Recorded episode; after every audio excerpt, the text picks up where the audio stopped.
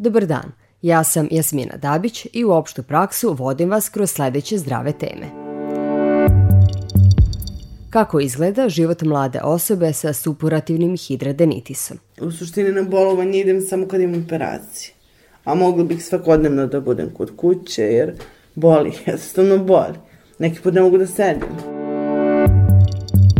Da li i kada piti probiotik? Ono što je jako interesantno kod probiotika je da imate ogromno telo dokaza koje govori za, opet sa druge strane ogromnu masu istraživanja i dokaza koji govore o upitnoj efikasnosti takvih lekova.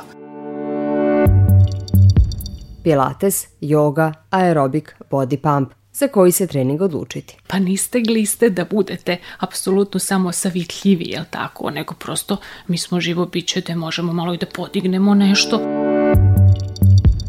Kada smo zdravi, ni ne znamo koje bakterije i gljivice i u kolikom broju žive u našim crevima.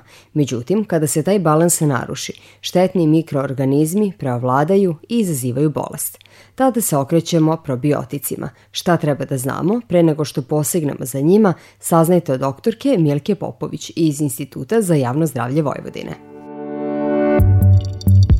Uglavnom, sva regulatorna tela smatraju da su probiotici uslovno rečeno bezbedni, s tim da naravno uvek postoje određeni izuzeci, pa kada su u pitanju probiotici, s obzirom da oni sadrže žive kulture ćelija, postoje određene populacione grupe koje mogu biti pod rizikom za eventualne komplikacije u smislu nastanka neke infekcije, jer su, rekli smo, živi mikroorganizmi i najčešće su to one populacione grupe koje su i najosetljivije novorođenčad, zatim osobe koje imaju imunokompromitovana određena stanja, bolesti. Probiotici se smatraju dobrim za crevnu floru, ali istraživanja nisu pokazala da li imaju uticaj na organizam. U pitanju su u stvari istraživanja koja su do sada rađena određenom metodologijom koja je pratila broj tih živih ćelija u stolici. A u suštini mi ni ne znamo kako ćemo pratiti i meriti prave biološke efekte koji mogu nastati u gastrointestinalnom traktu, koji će se broj ćelija tih uhvatiti na sluznicu debelog creva, šta će oni uraditi, ko, koji će biti pravi ishodi. Probiotici se kao dodaci ishrani kupuju u apotekama. Na tržištu ih je gotovo stotinak. Nije ih moguće kupiti u supermarketima, ali u radnjama je sve više proizvoda sa probiotskim kulturama. Građani su često u nedoumici šta da odaberu, budući da ih lekari preporučuju uz antibiotike, a često i kao delotvoran lek za stomačne tegobe. Generalno nema presude ni da su probiotici efikasni, niti da nisu efikasni, odnosno da je potrebno zaista personalizovana situacija gde će se na osnovu raznih indicija u stvari pokazati da li je probiotik za nekoga prikladan, efikasan, da li će biti efekta, a vrlo često sami e, ljudi koji koriste suplemente sa probioticima u suštini samo na osnovu subjektivnog nekog doživlje mogu da presude da li je to okej okay ili ne. Nema potrebe da neko ko ima zdrava creva pije probiotike kao suplemente, mada se to često dešava. Mi te zdrave bakterije svakako unosimo hranom. A mogu da kažem da u suštini se mora pratiti vrsta bakterije, broj bakterije i tako dalje i preporučujem da ipak kada postoje indikacije za njihovu primjenu da to bude preporučeno od strane lekara.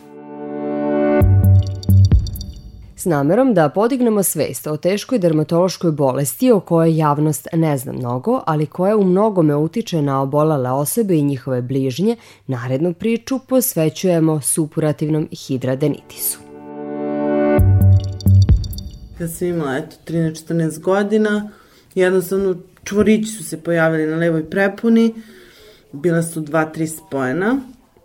Ja ne znam, roditeljima nisam rekla, bilo me sramota i negde pre oko 9 godina tek, to znači neki 5-6 godina nakon što se pojavilo, odlučila sam da odem kod lekara. Naši sagovornici, dermatolog ustanovljava supurativni hidradenitis, hronično oboljenje znojnih žlezda oko korena dlake, koje se nazivaju apokrinim žlezdama i koje su sklone upali. Upala najčešće pogađa mesta bogata znojnim žlezdama, poput pazuha i prepona, ispod dojki i na zadnjici. Obično se pojavlja negde pred ciklus neki desetak dana. I onda polako dok ne sazri, onda dođe gnoj, pukne i tad otprilike dolazi ciklus. I onda se to smiri, povuče i sve tako. Gde se, ne znam, možda oko nedelju dan da nemam nigde ništa i to mi je super. U blagim slučajevima na mestima upale mogu se pojaviti male kvržice ili nekoliko cista, dok bolesnici sa teškim oblicima bolesti imaju višestruke gnojne čvoriće koji ispuštaju neugodan miris. Mada je klinička slika karakteristična, dijagnoza se postavlja najčešće kada je oboljenje odmaklo, jer mnogi lekari o njemu znaju malo. Osim toga, i pacijenti odlažu odlazak lekaru, dok bolest ne pređe u težak oblik koji se mora lečiti hiruški. Onda sam bila dugo na antibioticima, povuklo se dosta, ali ostali su ožiljci i koji su morali da se sklone, kako da kažem. I onda sam otišla do doktorke Milice Rajević, ona me je operisala četiri puta, oporavak kao oporavak, pa bolan je bio, bili su mnogo veliki rezovi, To su bili pazusi, obe prepone i ovaj pubičan deo. E, nakon toga kad mi se pojavio sledeći čvor, depresija. O, odmah dolazi. Baš sam se opet razočarala, bila rekao hajde. Možda će da bude bolje i bolje je svakako, oni dalje izlaze, ali ne, ne u toj meri. Vraćanje upala je često jer ne postoji lek za hidradenitis. Pravovremeno lečenje, međutim, može sprečiti komplikacije, objašnjava dermatološkinja sa klinike za kožne i venerične bolesti Kliničkog centra Vojvodine, doktorka Milica Subotić. Ja ne pamtim kad sam videla da mi je neko došao u prvom stadijumu, nažalost, jer oni uglavnom se tu javljaju ili lekarima opšte praksi ili hirurzima u nekom urgentnom centru zato što se upalila, upalio čvor pa se tog trenutka akutno javlja bol koji otežava funkciju recimo ruke ili otežava sedenje i to pa se tu onda uradi najčešće pogrešno se uradi samo incizija, da se secne to, da se evakuiše sadržaj, a pravilan postulat hiruškog lečenja je da se ukloni čitava promena sa širokim zahvatanjem okolnog zdravog tkiva. Mali procenat ljudi ima hidradenitis, ali on pravi velike probleme. Hidradenitis može da bude bolest koja može da bude praćena visokom sedimentacijom zbog tih opsežnih upalnih promena. Može da dođe do poremećaja bilančevina u serumu, može da dođe do stvaranja drugih bolesti, pioderme gangrenozum, Zato ako sumnjate da imate ovo oboljenje, posetite dermatologa. A evo kako da bolest prepoznate. Ako on u roku od šest meseci dva puta na istom ili blizu susednom mestu dobije bolne čvorove ili bolni čvor, to je verovatno hidradenitis supurativa. Hidradenitis se nije zarazna bolest, niti je prouzrokovana infekcijom ili što zna da bude česta zabluda lošom higijenom. Nije nužno nasledna, mada genetska veza postoji. Lekari nisu sigurni šta je uzrokuje, a kako se obično javlja oko puberteta, hormoni su verovatno uključeni u njen razvoj. Zna se i da se češće javlja kod gojaznih i pušača. Kad nam pacijent sedne i mi mu postavimo diagnozu, odmah automatski savetujemo redukciju telesne mašce i obustavu pušenja, ne smanjenje, nego obustavu. Hidradenitis supurativa jedna je od najtežih hroničnih dermatoloških bolesti koja negativno utiče na kvalitet života obolelih.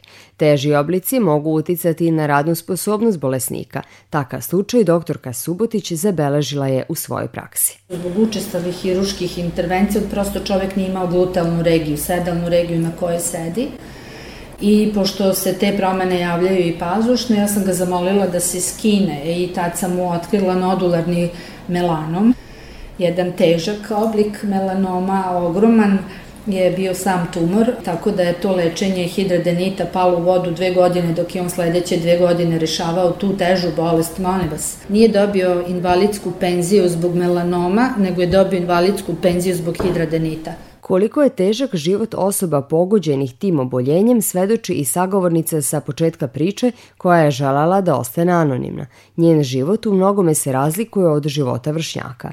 Na more ne ide. Na bazenu je bila jednom. Na teretanu ni ne pomišlja jer ne sme da se znoji.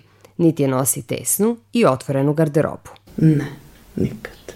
I uvek nosim majicu ispod šta god. I kada je plus 50 stepeni, imam dve majice na sebi. Uprkos tome, ova 29-godišnja devojka hrabro se nosi sa bolešću polovinu života.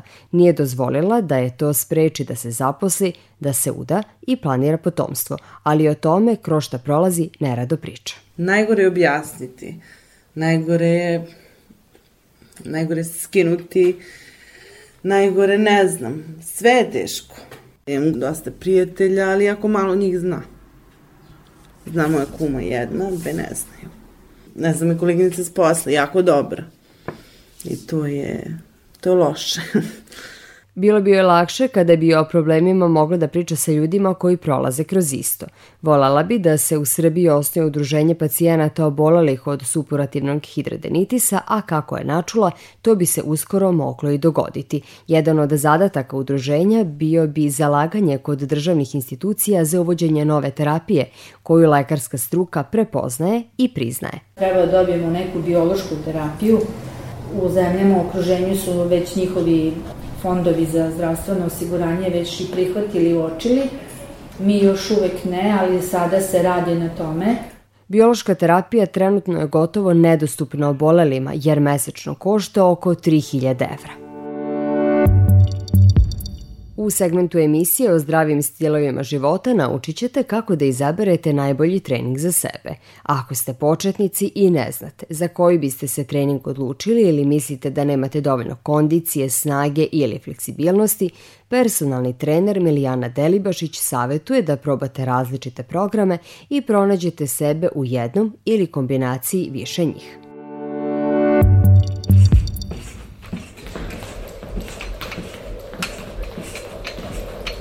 Aerobik, pilates, funkcionalni trening, kružni, body pump. Svaki oblik fizičke aktivnosti bolji je nego nikakav, a za koji ćete se odlučiti zavisi od toga šta vam više leži i koji vam je cilj treninga.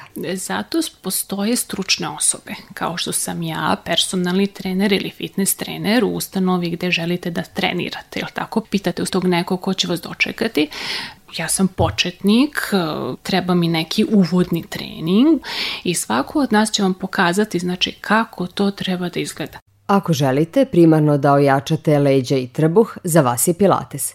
Ako želite više snage, energije i vitalnosti, razmislite o jogi. Ako želite kondiciju, izaberite aerobik. Ako želite sve to, kombinujte treninge mi smo živo biće koje voli da se istegne, da urodi trbušnjak i da podigne nešto teško i da džuskam uz muziku. Apsolutno, znači, je moja preporuka da se proba sve i da se nekako rasporedi da se sve koristi. kada slušam ljude kao pa ili imate jogu, pa ćemo mi raditi jogu, pa prosto ljudi se pronađu zato što im to prija, istezanje im prija, ali opet joga mora da ima i neki segment ili deo u toku časa gde ćemo mi da jačamo. Prosto onako ja se našalim sa članovima pa kažem pa niste gliste da budete apsolutno samo savitljivi, jel tako, nego prosto mi smo živo biće da možemo malo i da podignemo nešto da bi taj naš organizam, da kažem, bio postagnut da ima snagu. Oni koji nisu dugo vežbali treba da počnu umereno i postepeno kako bi izbegli jaku upalu mišića ili istignuće. Prvih 14 dana su najteži. Zamislite sada kada dođe osoba koja apsolutno nikad ništa nije radila na jedan hit trening, znači high intensity trening, ili tako, upali se, kažem, na upalu mišića do te mere da ne može da ustane iz kreveta ili da ne može da hoda, a pritom je, znači, već apsolutna mogućnost da dođe do velikih povreda. Da se to ne bi dogodilo, pridržavajte se saveta trenera, stručnog naravno, i ne preskačite treninge, jer kako je Aristotel tvrdio, ništa tako ne iscrpljuje i ne razara čoveka kao dugotrajna fizička neaktivnost.